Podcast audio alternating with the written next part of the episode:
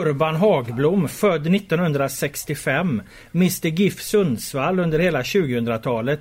Kungen i norr. Eller fotbollsansvarig som du kallas formellt. Men du är väl sportchef egentligen? Eller vilka är dina ansvarsområden?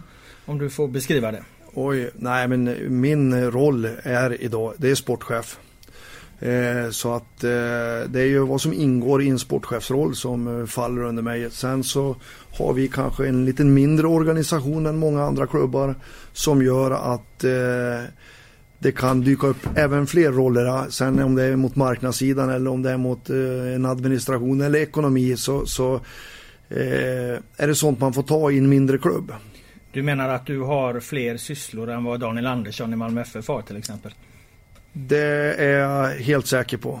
Du får åka ut och ragga sponsorer helt enkelt? Nej, men eh, vi har en fin marknadssida men jag, jag är delaktig i att göra ett arbete mot ett antal samarbetspartners här inne i staden. Förutom åren efter den eh, allvarliga bilolycka som du var inblandad i 2007 då som jag tänkte fråga mm. om lite senare så kan jag inte påminna mig om ett GIF Sundsvall utan dig. Hur många år har du i föreningen egentligen? För många anser en del men eh, eh, det är ju så att eh, jag är inne på mitt 25 år i GIF Sundsvall. 25 säsongen. Jag började 1995 i GIF Sundsvall som sportchef och assisterande tränare. Så att eh, det har blivit några år. Och det har hänt en del? Det har ju varit en eh, oerhörd utveckling där vi har gått från en ideell förening till idag en professionell och där hela verksamheten har ju blivit eh, väldigt tydligt annorlunda utifrån professionalismen och eh, där idag är det här är ett stort företag idag. För 20 år sedan så snackades det mycket om Norrlandsfönstret och Mats Olsson eh, som var storkrönikör på den tiden skrev ju att han ville spika igen det med 7. Idag existerar ju inte det som begrepp längre eller? Eh, nej, för vi, Norrlandsfönstret har vi på vid gavel. nej då, utan eh, det var väl så att eh, vi fick ju vara Norrlandsfönstret. Eh, vi är ju ändå bara i mitten på Sverige så det är inte många som tycker ens att vi är norrlänningar fast vi själva hävdar nog att vi är norrlänningar.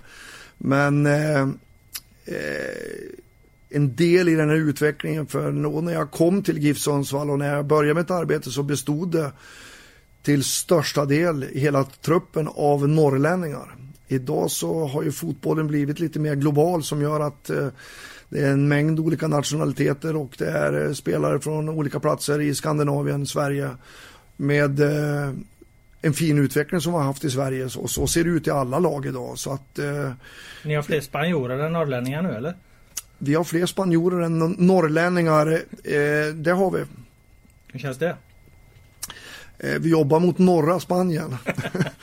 Nej då, utan eh, ja, det, det, är ju precis den utveckling som har varit inom fotbollen i världen. Så att eh, det ser vi inga konstigheter med utan det, det har blivit en spännande utveckling för GIF Sundsvall. Men jag tänker på det här med lokal förankring och så här som många, många föreningar pratar om.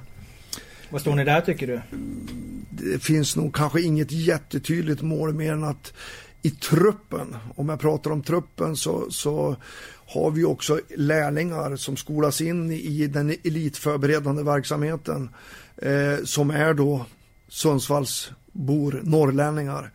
Eh, och eh, vi har en målsättning att truppen ska bestå av 50% norrlänningar. Och vad är siffran idag? Den är nog cirka 30. Okay. Så det är inte extremt dåligt men det är nog en 30% som idag är eh, födda och uppvuxna i Norrland. Har du någon tanke om hur ni ska få upp den till 50? Eh, jag har gjort ett, ett hårt jobb här. Eh, för vi hävdar ju att Mike Sema är norrlänning. Han är ju född i Lycksele. Men eh, frågar du Mike så är han nog inte norrlänning tycker han. Men eh, vi håller på att skapa han så att han blir en norrlänning. Och, och, eh, det var likadant med Erik Björkander som vi rekryterade från Mjällby. Så har han ju en pappa som är från Sundsvall och då har vi återbördat norrlänningen. Nej då, det, det, det ni vänder lite... på det, ni, ni, ni gör om dem till norrlänningar gör... istället för att de är norrlänningar. Precis, vi gör om dem till norrlänningar. ja, det är också ett sätt att höja siffrorna. Så är det. Eh, så att, eh, nej utan eh, för att bli skickligare på det här så handlar det om både ett samarbete i regionen med våra klubbar, föreningar i, i regionen. Men framförallt så handlar det om vår egen talangutveckling, att vi måste vässa och eh, göra den ännu bättre. Som gör att vi fostrar fler elitspelare i Sundsvall. Samtidigt kan man väl säga att, jag får se om du håller med då, att det här är det bästa GIF Sundsvall-laget någonsin som ni har nu inför 2019? Eh, det ska jag nog hålla med om utan att jag kan gå jättelångt tillbaka i historien. Men, men jag kan definitivt ta gift på under mina år i GIF Sundsvall så har det aldrig sett så här bra ut. Och då har vi inte haft ett sånt här starkt lag. Så att eh, vi, vi är på en god väg på att göra den här produkten ännu bättre. Hur kommer det sig att ni har ett sånt oerhört bra lag? Lite kort. Vad, vad är de viktigaste delarna i att ni, ni, är där ni är idag? Jag tror att det är ändå en eh, långsiktig satsning från hela föreningen. Eh, för vi har ju inte gigantiska resurser och där vi, vi för ett antal år sedan valde att eh, titta på hur vi individuellt kan utveckla våra spelare i GIF Sundsvall. Eh, rekrytera dem från vissa miljöer eh, som kanske inte det krävs sådana stora ekonomiska resurser och sen utbilda, utveckla dem i GIF Sundsvall. Och där var det en viktig del då i arbetet med rekryteringen och där vi la över ansvaret på Joel Cedergren som huvudansvarig tränare som jobbar precis på det här sättet som föreningen eh, önskar. Eh, utifrån att eh, man ska våga ge det här tid. Att eh, se till så att spelarna utvecklas och det vi har sett för varje säsong är att laget blir bättre och bättre även fast man eh, utanför arenan kanske inte tycker, för där mäts man ju ofta i vinster eller i tabellpositioner. Medan vi har sett att laget blir bättre fast vi kanske förlorade. Prestationen vart bättre och där vi har gett det tid. Så en stor del i vår framgång idag är en kontinuitet på ledarsidan och en kontinuitet på spelarsidan som är okej okay kontinuitet. För det är ju också någonting som med dagens fotboll har blivit en enorm utveckling. Det är en väldig omsättning på spelare i alla lag idag. Jag, jag, jag, är inte bofast så det är gigantiskt länge, ofta. Eh, men det har vi lyckats rätt så bra med under åren och eh, under senare tid också fått växla bort spelare som vi har sett slagit i taket i sin utveckling som vi också rekommenderar att kanske hitta en annan miljö för att de ska hitta sin individuella utveckling för att hos oss så blir det inget mer. Medan eh, spelare som vi då ser att vi har en utveckling i hittar vi förlängningar med avtal och att de är kvar i, i klubben. Men till exempel i år har ni behållit eh, allt ni har velat behålla vad jag förstår. Ni har inte ja. tappat något av det ni har velat tappa. Vi, vi har behållit alla spelare vi önskade behålla. Och vi har också rekryterat spelare på de positioner som vi säger att vi måste in med kvalitet för att eh, öka kvaliteten på hela gruppen.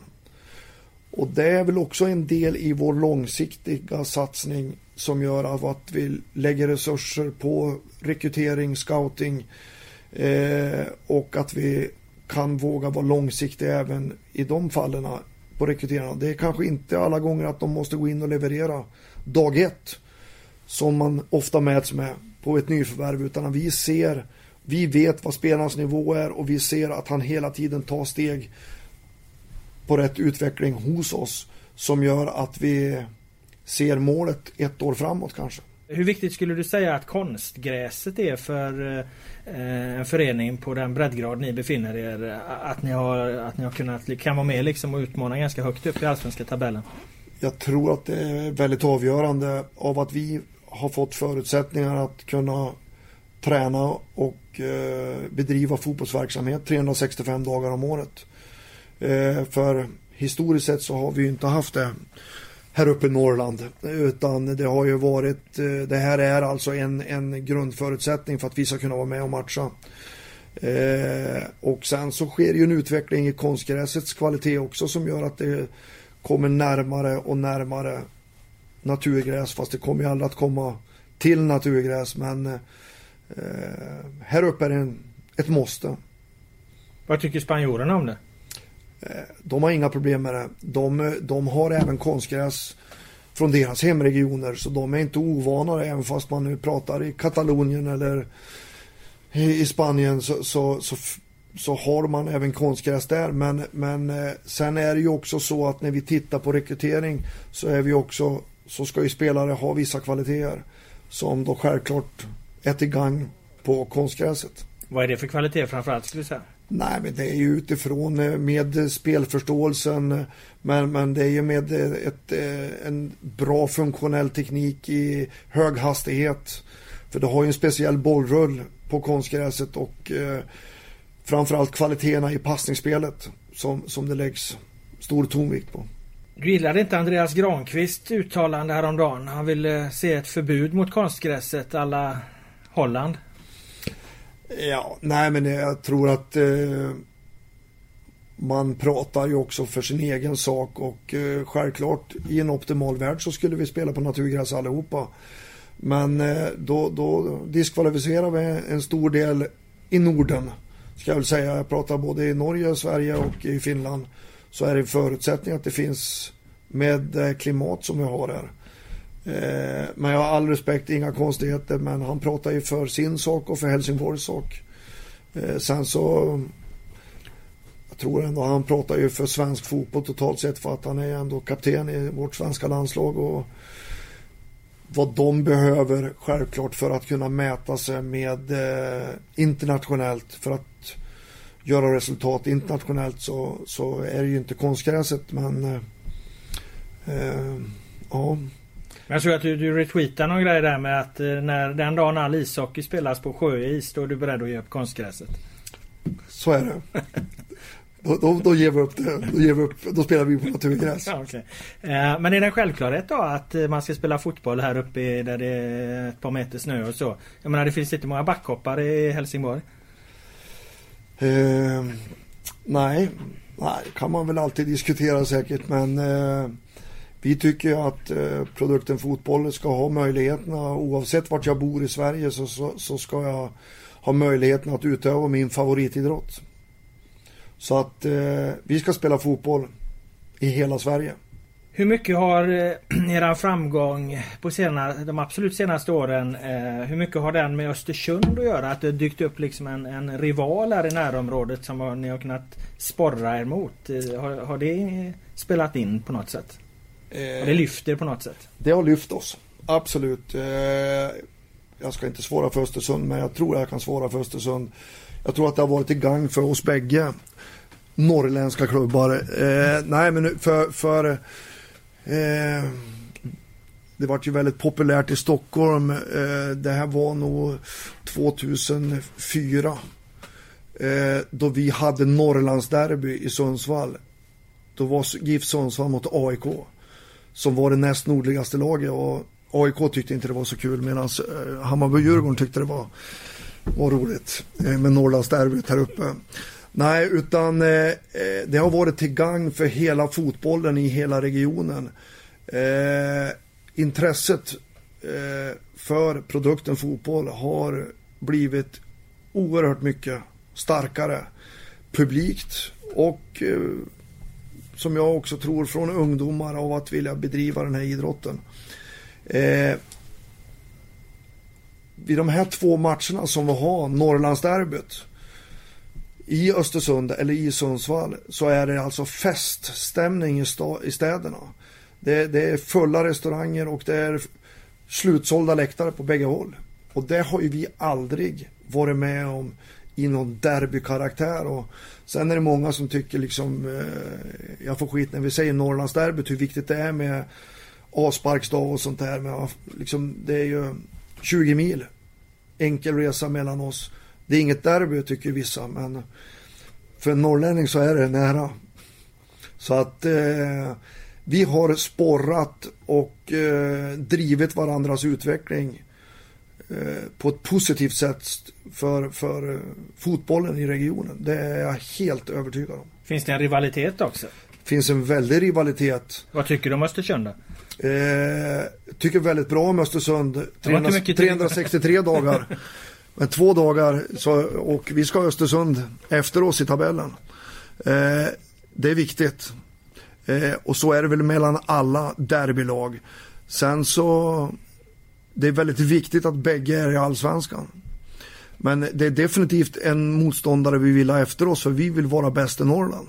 Men eh, det är ändå en rivalitet eh, för vi jämförs och det, det är liksom snackisarna på stan eh, är starka och eh, som sagt jag har varit länge i föreningen men eh, sån snackis och så mycket surr som det är kring de här två matcherna det har jag aldrig upplevt under mina 25 år som det är för att eh, det är efter spelordningsmötet så är det direkt liksom, när Östersundsmatchen.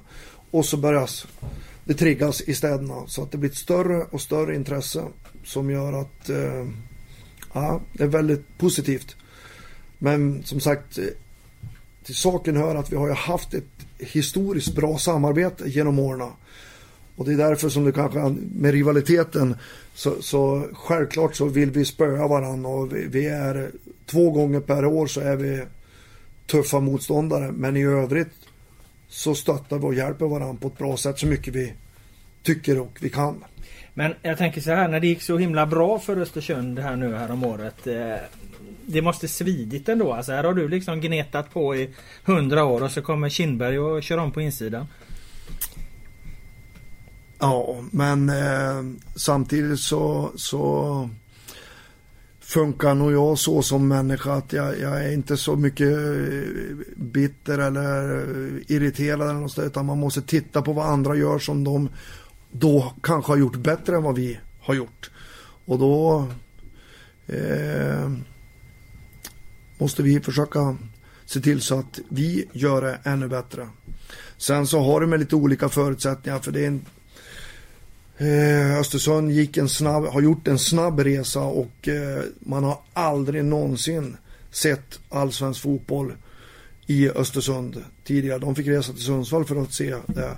Så det är klart att det skapas och byggs ett intresse som gör att eh, eh de har. Men, men eh, det kommer också en vardag i den regionen som gör att kraven kommer, man kommer inte vara nöjd när det blir ett kryss mot fel lag eller annat utan Eh, vi, får, vi får se hur, hur fortsatt stort intresset är.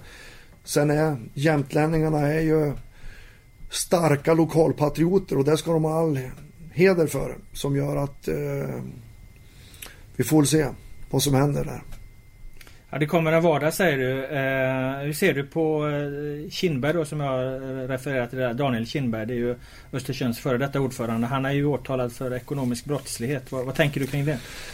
Nej, jag, jag, vill inte uttala mig i det egentligen för, för jag får bara följa media och eh, ta deras uppgifter och eh, jag är helt, det är oerhört olyckligt för Östersund och det är skulle det visa sig att eh, han har bevisen emot sig och att han blir dömd så då, då har han ju gjort in i helvete fel.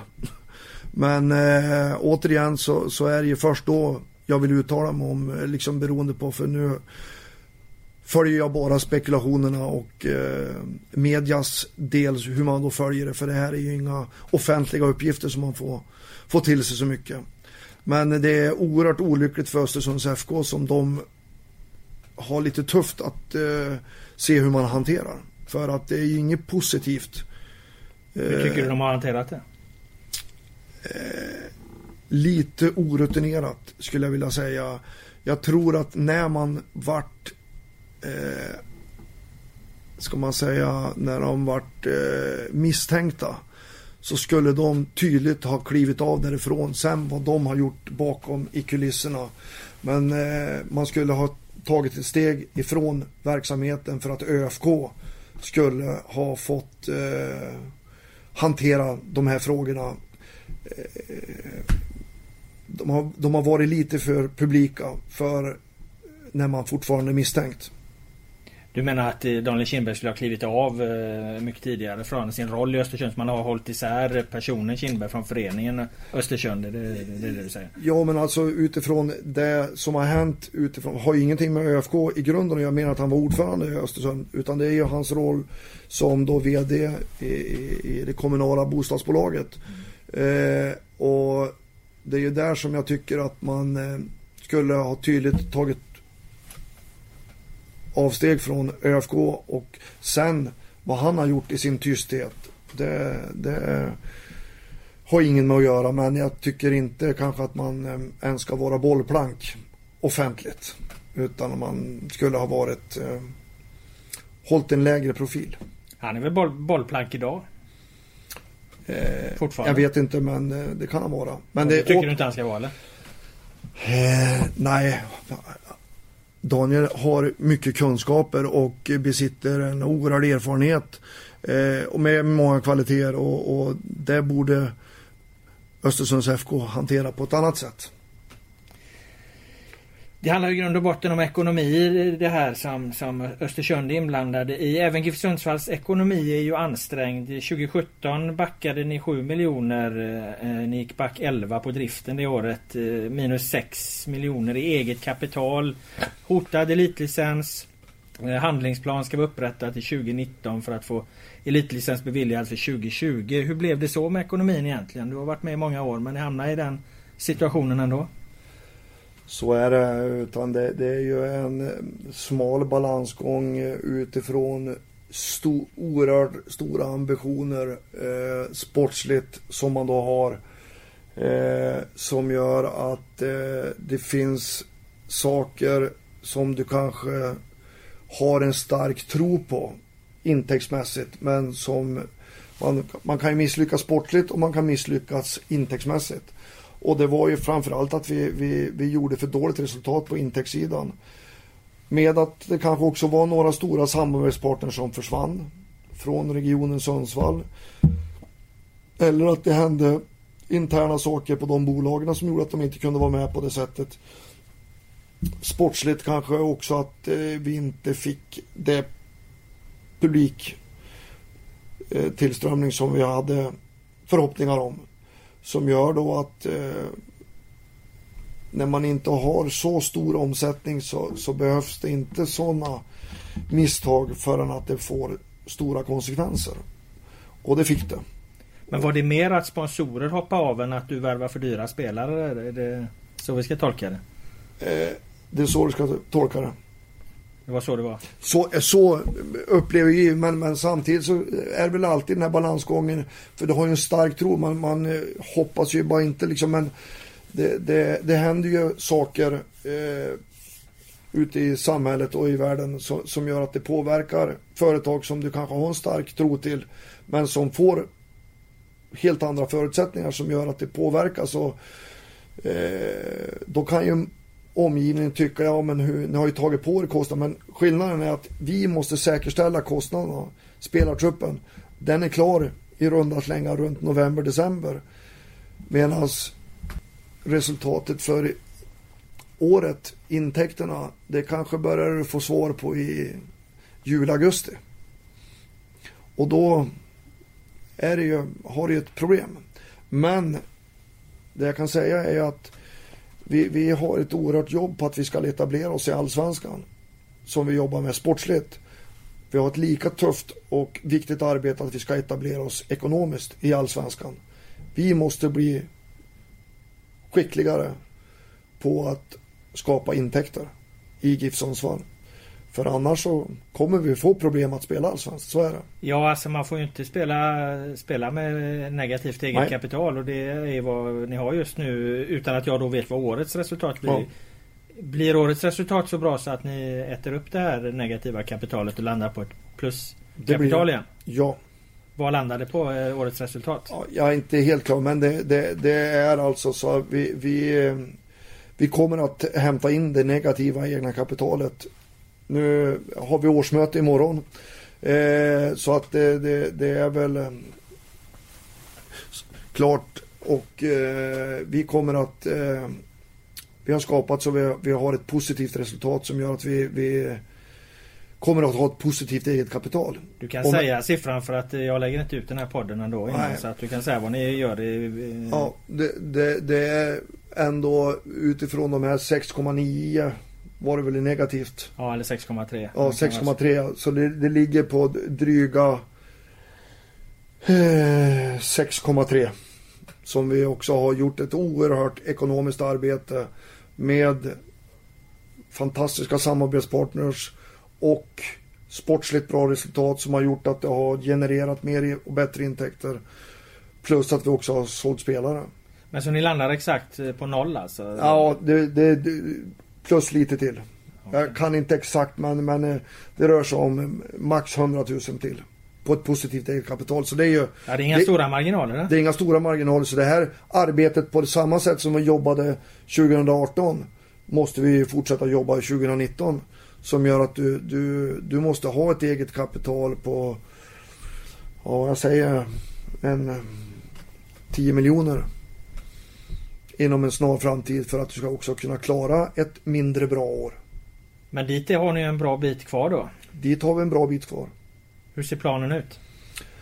Nej men det, det är ju utifrån även en långsiktig strategi även eh, på vad det gäller det ekonomiska arbetet. Eh, men där har man ju som sagt gjort ett positivt resultat 2018.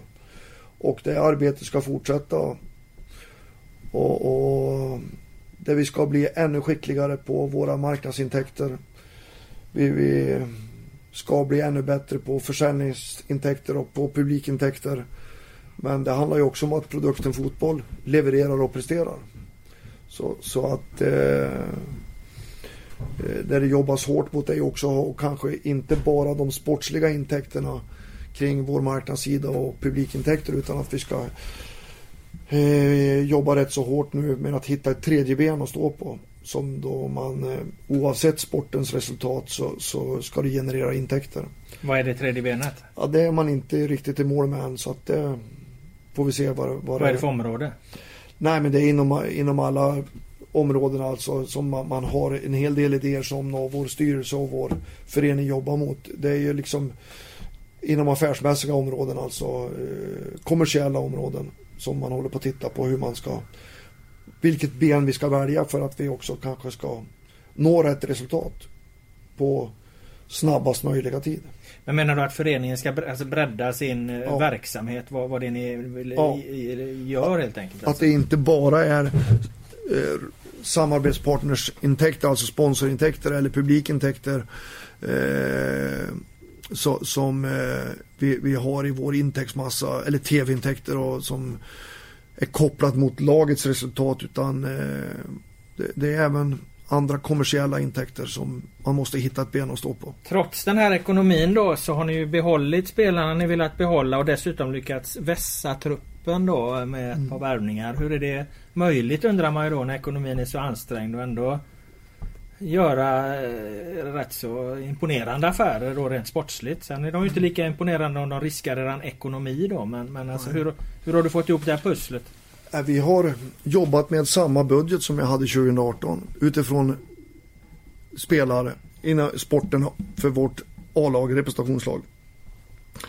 Och, och, hur har det gått till då? Jo, det är ju så att vi, vi hade en eh, som vi bedömde en lite för stor trupp i antal numerärer i spelartruppen. Och där har vi tittat på kvaliteter och utifrån balansen i spelargruppen som har gjort att vi har ju sänkt vår spelartrupp med fem man. Där vi då har lagt de resurserna på att spetsa kvaliteten på de 21 spelare vi är idag som var 26 i fjol. Ni har sparat in fem årslöner då på Ja, men som har gjort att vi har kanske då fått hit kvalitetsmässigt andra spelare och vi har förlängt och behållit spelare som man kanske har lagt också resurser på då. Så att vi har spetsat gruppen eh, på kvalitet som vi har prioriterat ekonomin på. Men det är samma budget som vi hade på vår spelartrupp 2018 gör er mer skadekänsliga då skulle man kunna säga. Ni har inte lika bred trupp då men... Eh, så är det. Men det är också en... Eh, strategiskt vald linje på grund av att vi, vi har eh, utvecklat och skapat en väldigt bra talangmiljö med vårt U19 eller P19 som det numera heter så, så är det ju att vi har ett antal spelare där som eh, är mogna att ta steget upp och som självklart så kanske de inte är färdiga för att spela 30 omgångar i Allsvenskan. Men jag är inte ett dugg orolig om det skulle bli ett antal matcher Allsvenskan på ett antal spelare. Och det är också att vi en strategi på att vi tvingar våra ledare som alltid vill självklart ha så bra spelare som möjligt. Men att eh, i hand i hand då med vår talang skapa förutsättningar för våra unga lovande spelare att ge dem erfarenhet från allsvensk miljö. Sen vet jag att ni ställde in, eller ställde in, men ni åkte inte på några träningsläger i år och det sparar en, en eh, halv miljon där ungefär. Mm. Eh, det, har ni fler sådana här grejer som ni har tvingats hitta då för att, för att få ihop det? För, för att, kunna ha en så här bra trupp liksom? Eh, nej, men det är prioriteringar hela tiden alltså. Men det, det är framförallt vårt läger som vi gjorde besparingar. Vi prioriterade att lägga de resurserna på den här befintliga gruppen och där vi också har utvecklat organisationen runt laget. För någonting som vi har sett är väl liksom utifrån en klubb då, som vi som har lite begränsade ekonomiska resurser. Hur gör vi den här gruppen ännu bättre? Jo, men det är ju för att med x antal hundratusen blir vi så mycket bättre som grupp, som lag om vi rekryterar in en spelare till som gör att vi eh, 22 spelare i truppen istället. Ja, det upplever vi inte utan kan vi då hitta i vår, att förbättra vår organisation som gör av att de här 21 spelarna, alla blir en nivå bättre. Så kommer det att lyfta GIF Sundsvall. Och där då har vi ju lagt resurser på att utveckla ledarteamet där vi nu har Joel Cedergren som huvudansvarig. Men där vi har rekryterat in Andreas Pettersson, fantastiskt person, ledare, tränare från vårt svenska u landslag Vi har Henrik Ånstrand som numera är 100% inne i vårt A-lag. Där de tre i det här teamet då är verksam kring att utveckla individerna och laget GIF Sundsvall. Sen har vi lagt resurser även på en oerhört viktig del i branschen fotboll som gör att vi måste bli ännu skickligare på rekrytering. Som har gjort att vi har heltidsanställt en scout för första gången. Där vi har jobbat annars med mina kunskaper och med ett nätverk där vi har människor som hjälper oss runt omkring i världen och i Skandinavien. Men nu har vi en heltidsanställd som jobbar kring med scoutingen och för att underlätta för mitt arbete och för Joel Cedergrens arbete i att vi rekryterar rätt spelare. För det kommer att innebära att vi kommer också att med rätt kvalitet höja kvaliteten så kommer vi också bli intressantare för andra klubbar att hitta kvalitet i Sundsvall. Som gör att vi blir skickligare på att sälja spelare. Och då vill ju vi nå en nivå som gör att vi vi, vi är på ändå en nivå som när jag blir för bra för Sundsvall, då lämnar jag Sverige. Ni har slutat sälja till andra allsvenska klubbar? Vi ska nå det målet. Jag får ödmjukt säga att det finns fortfarande några klubbar i Sverige som är bättre än GIF Sundsvall. Men vi, vi ska nå en nivå som gör att för spelaren och hans rådgivare att eh, den dag jag lämnar Sundsvall så är det ju, då, då, då lämnar jag det för en annan liga. Inte Malmö FF? Inte Malmö FF, men eh, Malmö håller väl en bättre nivå idag och utifrån sitt Europaspel och med möjligheterna. Och, så att eh, vi får väl se. Budgeten ni lägger nu då, är det ingen risk då att ni åker ner eh, och riskar ekonomin igen 2019? Eh, ehm, risk tar man alltid för, för eh, hela vårt näringsliv och eh, invånarna här i Sundsvall är det som ska ge svar på det lite grann. Men självklart, vi, vi gör ju allt vi kan för att skapa en så intressant produkt av att synas och vara med och besöka som gör att eh... Ready to pop the question? The jewelers at BlueNile.com have got sparkle down to a science with beautiful lab-grown diamonds worthy of your most brilliant moments. Their lab grown diamonds are independently graded and guaranteed identical to natural diamonds, and they're ready to ship to your door. Go to Bluenile.com and use promo code LISTEN to get $50 off your purchase of $500 or more. That's code LISTEN at Bluenile.com for $50 off. Bluenile.com code LISTEN. Jag hävdar att vi tar en så liten risk som vi kan göra. Vad budgeterar ni med för publiksnitt då? Ni hade väl 4 och 3 nu i år här? Oh, det här är marknadens område men... Eh, Ska ni höja det? Nej, det är inte gjort. Nej. Det är inte höjt så utan det, då är det positiva intäkter. Om det skulle visa sig där. Så det är, det är inte höjt någon eh, intäktsbudget på publiksiffran. Vad ligger ni lönemässigt i Sundsvall? Alltså, snittlönen i Allsvenskan är ju idag strax över 100 000 i månaden. Vad är snittlönen i Giffarna? På spelarna? Och snittlönen i Giffarna ligger väl på 45 000. Och ändå lockar ni hit bra namn. Vad är det ni har? Eh, det är ju någonting som vi har jobbat med genom åren. Då. Så är det ju ja, att vi kan inte vara med och slåss på de ekonomiska med feta löner. Utan då måste vi bli skickligare på något annat och det är ju utvecklingsmiljön som vi ser till att de får som gör att de blir bättre fotbollsspelare och att de har möjligheten att komma utanför Sveriges gränser och tjäna pengar. Men det handlar också om att skapa en totalmiljö i trivsel. Att jag mår bra som människa, som individ, men eh, också hela familjen, flickvänner, barn, vi tar väl hand om våra spelare på ett eh, så bra sätt som vi kan göra. Det är någonting som vi kan göra ännu bättre men det tror jag att vi är rätt så skickliga på i svensk fotboll. Som gör av att eh, spelare mår bra när de är, bor i Sundsvall och eh, verkar här ute. Spelargruppen kan väl vara rätt så enkel för de, så fort jag har ritat på och kommit in i första dagen i omklädningsrummet så har jag ofta nästan 20 nya kompisar. Men jag har ju kanske en respektive och eh, barn som är annorlunda. Då gäller det att hitta rätt miljöer, eh, rätt umgänge även för dem. Kanske också hitta rätt arbetsgivare som vi då är duktiga på. Jag har hört att ni hjälper ungkarlarna som kommer med att lära sig att laga mat uppe på eh, restauranger. Ja, eh, nej men det kanske är också en, en sån här liten del som vi ser som ett värde viktig del. För, eh, för prestationer idag så har ju kosten blivit viktig för att eh, få i sig rätt energier och allting.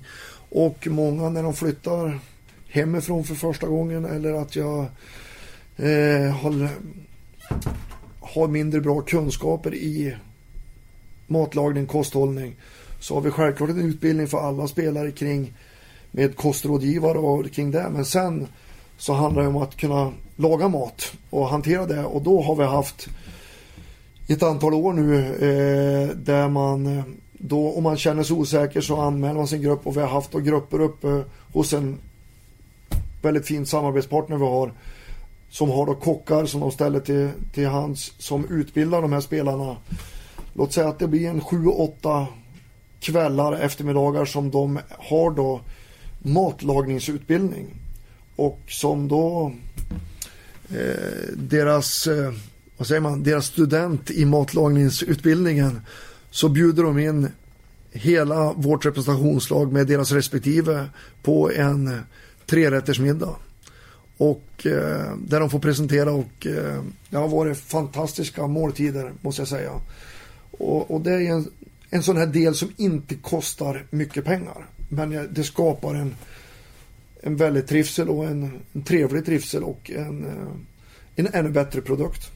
Gäller det spelare på Bataneros nivå också att de fick laga mat till, till hela laget då? Eller kunde han sin tapas redan när han kom kanske? Han är lite äldre. Batanero kunde sin tapas så att... Eh, det var inga problem där. Det, det, det, där gick det bra men eh, vi, vi hade spanjorer med. Ni valde ju för ett eh, par år sedan här att ingå ett samarbete med spanska fotbollskonsulterna eh, Soccer Services. Så det har ni väl förlängt här nu det, det samarbetet. Då antar jag att ni är nöjda med det såklart. Vi är jättenöjda utifrån hur vi vill jobba med utvecklingen av våra individer. Det jag undrar lite med det där för att det kommer ett antal spelare i, i, i samma veva där från just Spanien då, Batanero som jag nämnde. Om ni kan, eh, har ni liksom full frihet att sälja de spelarna eller är de en del av eh, sockerservice-paket eller hur funkar det? Sockerservice har ingenting med det att göra utan det här är helt professionellt. Så vi har 100% rätt att sälja spelarna som kommer eh, från Spanien eller vart man nu kommer ifrån. Men våra, vårt spanska spår där har vi fulla rättigheter. Sockerservice har ju inte haft någonting med rekryteringen av våra spanska spelare. Däremot så har vi byggt upp starka relationer i Spanien med några klubbar men också med några bra rådgivare som vi har. och eh, eh Det jag tänker på med IFK Göteborg så, så lär det nog kunna dyka upp någon spanjor för man får ju lite ingångar i, på den spanska marknaden på ett annat sätt. Och vi i Sverige kan ju faktiskt vara med och matcha om vi pratar Sekunda B, deras tredje liga. Så, så är ju inte lönenivån så extremt annorlunda än vad det är till och med så att de kanske till och med tjänar bättre pengar i Allsvenskan vi får väl se eh, vad som händer i Göteborg. Men det är också ett långsiktigt, de kommer inte att se resultat dag ett. Eh, och, och, många kan nog tro att samarbetet kom med Ferran Sibilla. Men här vill jag göra en liten förtydligande. Joel Cedergren hade jobbat med den här typen av fotboll och på det sätt som vi vill agera och spela över en längre tid. Sen hade ju han ett önskemål om att rekrytera Ferran som assisterande som han hade haft på utbildning. För Joel hade utbildat sig nere hos Soccer Service ett antal gånger. Eh, och eh, vi lyckades med Ferran Sibila och självklart så vart vårt samarbete med Soccer Service ännu mer intensifierat i och med det.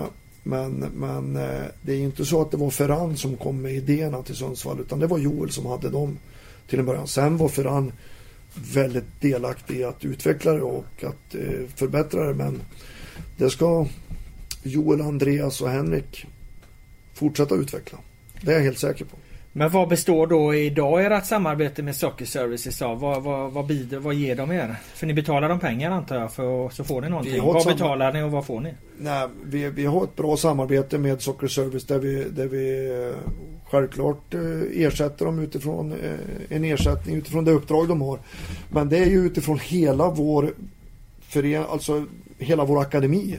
Där vi jobbar med utbildningsplan ända från sex år. Och hela vägen upp till vårt representationslag. Men självklart så är det ju också med lite individuella analyser på våra spelare och att vi har individuella utvecklingsplaner på våra spelare.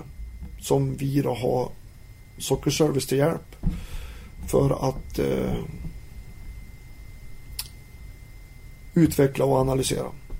Så att där jobbar våra A-lagstränare, alltså Joel och eh, Andreas och Henrik gentemot då ett antal spelare som vi har hos oss idag och som vi har i vårt U19, U17-lag eh, där vi har då individuella analyser. Det är det som Soccer Service bidrar med. Plus där vi jobbar då med hela vår utbildningsplan för hela vår akademi när Ferran Sevilla lämnade er så kommenterade, kommenterade du, det, du det på er hemsida att Ferran har varit långt borta från familjen under en längre tid och man måste ha respekt för ett beslut någon fattar med hjärtat.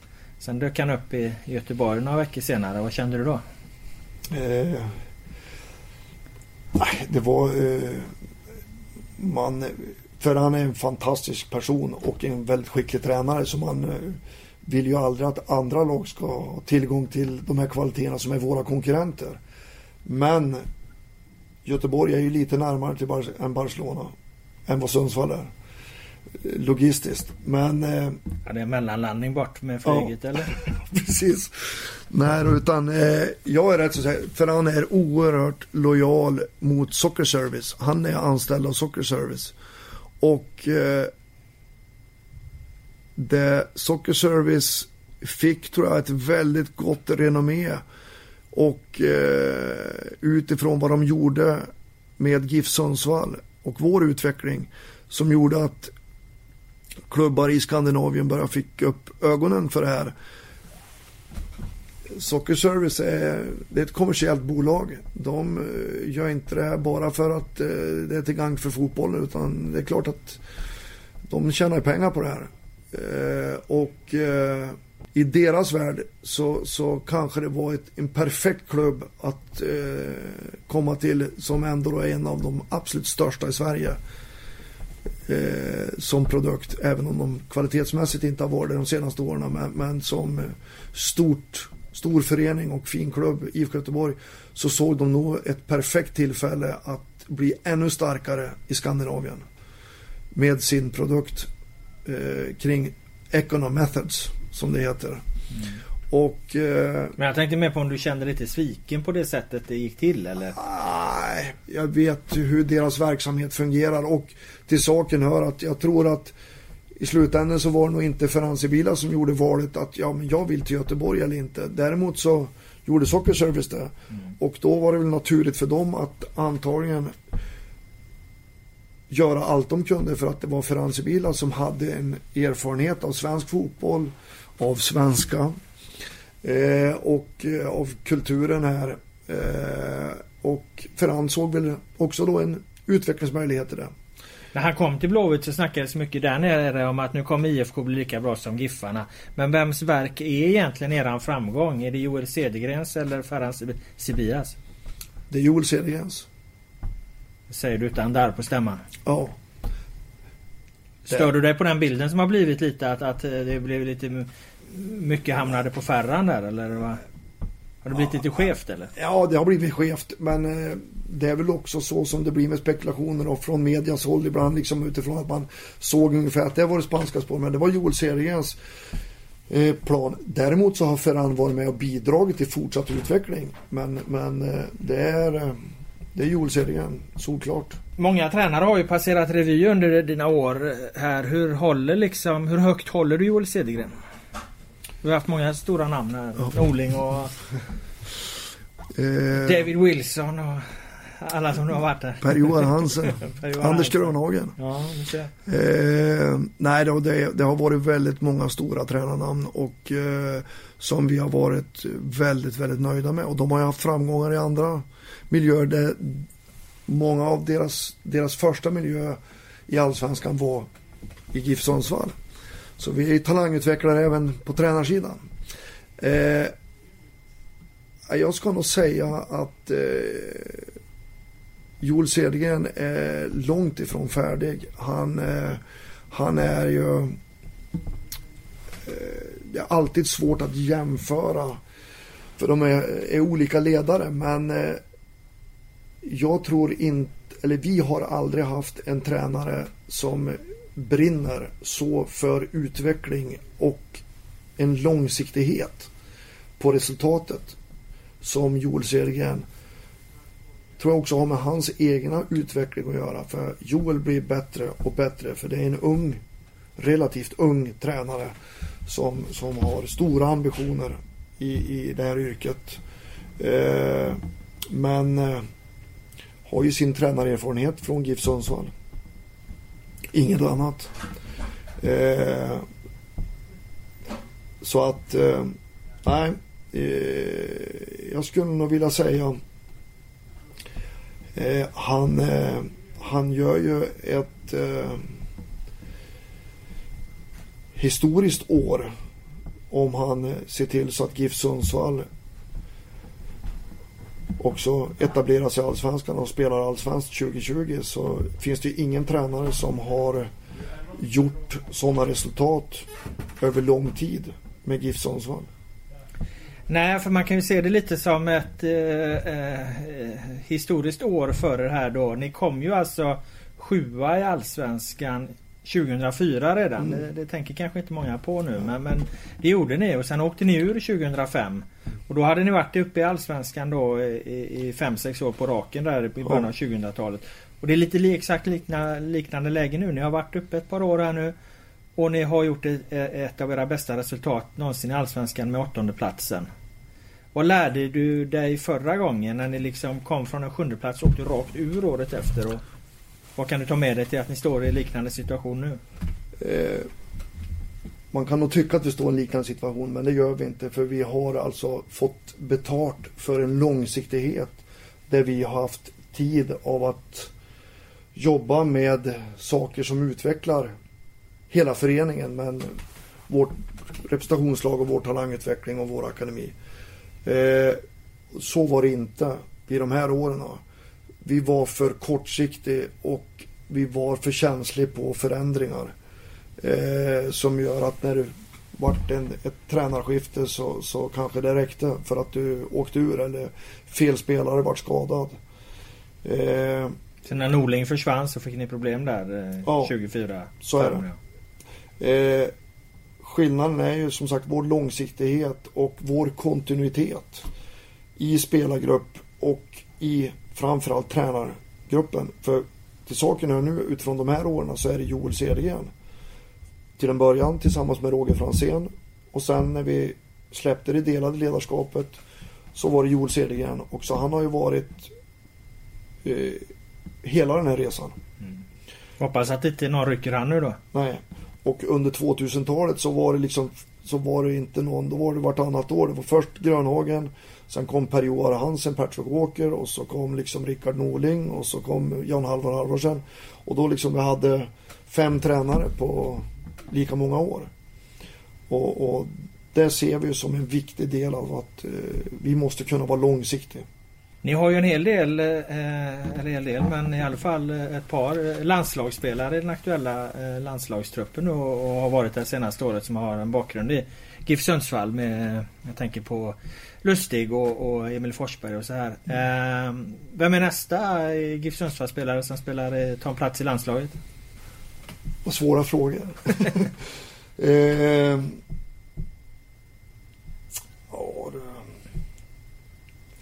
Jag tänkte på målvakten. Jag tänkte på William Eskelinen. Ja. Eh, jag tänkte på, jag kanske inte får ta åt oss äran av han, att han är en GIF-produkt. GIF men i sig så kom han hit som väldigt ung och har haft en fantastiskt fin resa, William. Här. Eh, William har alla förutsättningar för att eh, hamna i, i, i, Sveriges landslag. Eh, är väl inte där än, men han har eh, förutsättningar för att eh, definitivt nå dit eh, med hans ambitionsnivå och målsättning.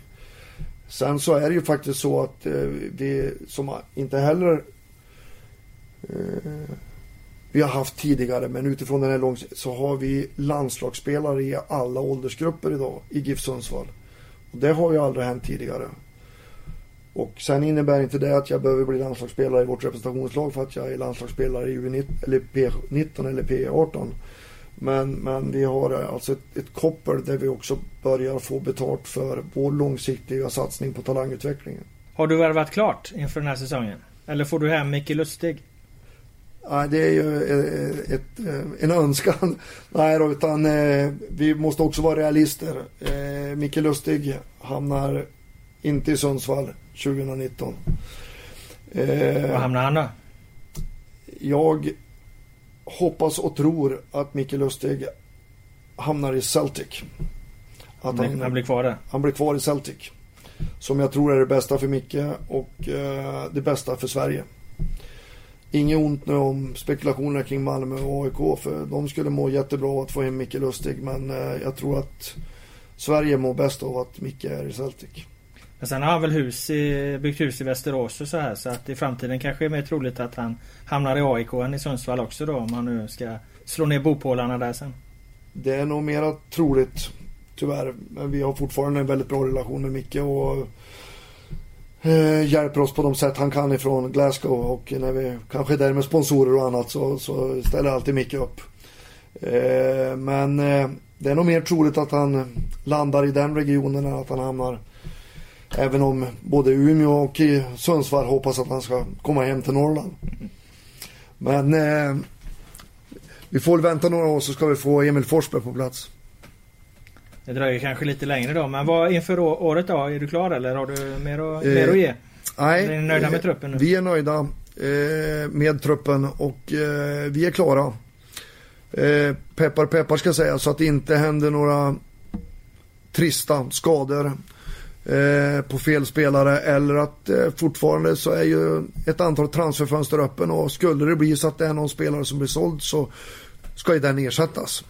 Men fördelen när man säljer spelare är att då finns ju förutsättningar att ersätta dem också. Men annars i grund och botten så är vi jättenöjda och vi är färdiga. Du pratade ju tidigare där om att eh, ni ser det som, att, eh, som en, en, trappa där att ni kan ha några som har slått i taket och är redo för att ta nästa steg och säljas. Vilka, vilka bedömer du är där? Eh, idag, I dagens trupp så har vi ingen som har slagit taket utan Nej. alla i dagens trupp kommer att bli bättre fotbollsspelare. Eh, de kommer att ta ett nivå till. Man kan tro att eh, Juanjo eller Batanero som ändå har nått 30, Linus Hallenius som är 29, att de eh, liksom har slagit, men, men de kommer att bli bättre. Helt säker. Växer Linus Hallenius ytterligare tror du av att han tar beslut här nu och signar ett riktigt långt kontrakt? Och... Det tror jag. Eh, sen så Linus gjorde en fantastiskt fin säsong i fjol så att når han upp i den säsongen så, så har han gjort eh, det oerhört bra. Eh, han har ju redan skapat historik i GIF Sundsvall utifrån. Det finns ingen som har gjort så här mycket mål i Allsvenskan någonsin. Och eh, det kommer bara bli mer. När jag skrev på Twitter att jag skulle träffa dig så var det någon som menade att nu skulle jag få träffa kungen i norr och då gäller det att uppträda ordentligt. Har du blivit en eh, större profil här med åren i, i, i stan eller? Nej, det vet jag ju inte själv. Jag upplever inte det. Däremot så har intresset för GIF Sundsvall blivit så oerhört mycket större. Och eh, med den mediala världen idag med sociala medier och idag kan ju alla så, så kanske man är mer med i media i någon form som gör att man men jag upplever inte att jag är någon annan än vad jag var för 25 år sedan. Du känner dig inte som kungen i norr eller? Nej. Men jag skulle gärna vilja vara. Det han spelar väl på Game of Thrones som inte är helt snett ute. King of the North. Jag vet inte om du följer den tv-serien men. Eh, du lägger ut en hel del eh, sociala medier-filmer i alla fall. Har du börjat göra här på sistone när ni presenterar era nyförvärv och så. Hur nöjd är du med dem? Eh, nej, det är inte jag som gör utan det är ju GIF Sundsvall som gör det. Ja, du är en stor del av dem i alla fall. Ja, precis så är det ju. Nej, men och det är väl en del i den mediala världen som är idag utifrån att vi, vi har i år valt en liten annan väg för att göra det lite lättsammare och eh, göra en annorlunda presentation utav våra nya spelare och tänka till lite grann och så får vi väl se vart det tar vägen. Men, eh, Men du är ju lite huvudperson i den. Så är det väl och det är ju vad det gäller rekryteringar utav eh, spelare till GIF Sundsvall så, så är jag i högsta grad involverad och eh, där man då har blivit delaktig. Så att eh, sen vad, vad vår marknad eller kommunikationsavdelning vill göra det, det får ju de stå för. Och jag har aldrig något problem att ställa upp om de vill göra saker så om jag nu inte tycker att det är helt åt helvete men eh, det, det Tycker jag inte sällan. Sen kan jag alltid komma med någon, kanske någon bra idé själv ibland. Tycker du de är roliga de här ni har gjort? Eh, ja, det är, det är, lite humoristiskt och det är lite med glimten i ögat och eh, jag tycker faktiskt eh, det är rätt så bra. Jag har, jag har ju en son som kommer med mycket idéer. Så, som eh, man får försöka släppa lite på ibland. Men han är inte med och jobbar här eller? Eh, ja, men han, han har varit med och hjälpt eh, vår kommunikationsavdelning med eh, lite, det är, det är, ofta han som har gjort filmerna och hjälpt av men självklart så, så, så eh, är det ju utifrån vad vår kommunikationsavdelning vill göra. Men han, han har varit väldigt behjälplig kan man väl säga. Det verkar vara en fin far och son-relation ni har där då. Det är fint. Ja, vi, eller vi har en... Eller fin jargong i alla fall. Ja, vi har glimten i ögat till varandra och liksom eh, det, där vi kan eh, smälla på varandra lite titt som tätt. Och han är uppväxt med det och det får jag ta numera. Nej, vi har en jättebra relation. Men kunde inte fixa en plats i laget åt den? Nej, det var lite svårare för min del. Men eh, så, så han älskar fotboll men han kör hårt i ett division 4-lag så att... Han är inte aktuell för att värva in? Nej. Det säger du stenhårt? Ja. Vad är det han, vad är det han brister då? Eh, han skulle behöva få till sin eh, fysiska form mycket bättre och eh, göra jobbet i 90 minuter. Han är för lat alltså? Ja. vad heter din grabb? Oliver. Oliver. Ja, vi ser vad nöjd han är med att ha fått höra det här då. Du... Ja, det, det, får jag nog äta upp, det är jag rätt så säker på. Du tror det? Ja, det är jag helt säker på. Ja, jag kan också gissa det faktiskt. Du, äh, du ger ju alltid ett väldigt äh, vänligt och mjukt intryck. Men det sägs att du i förhandlingar har en stenhård sida. Är det korrekt?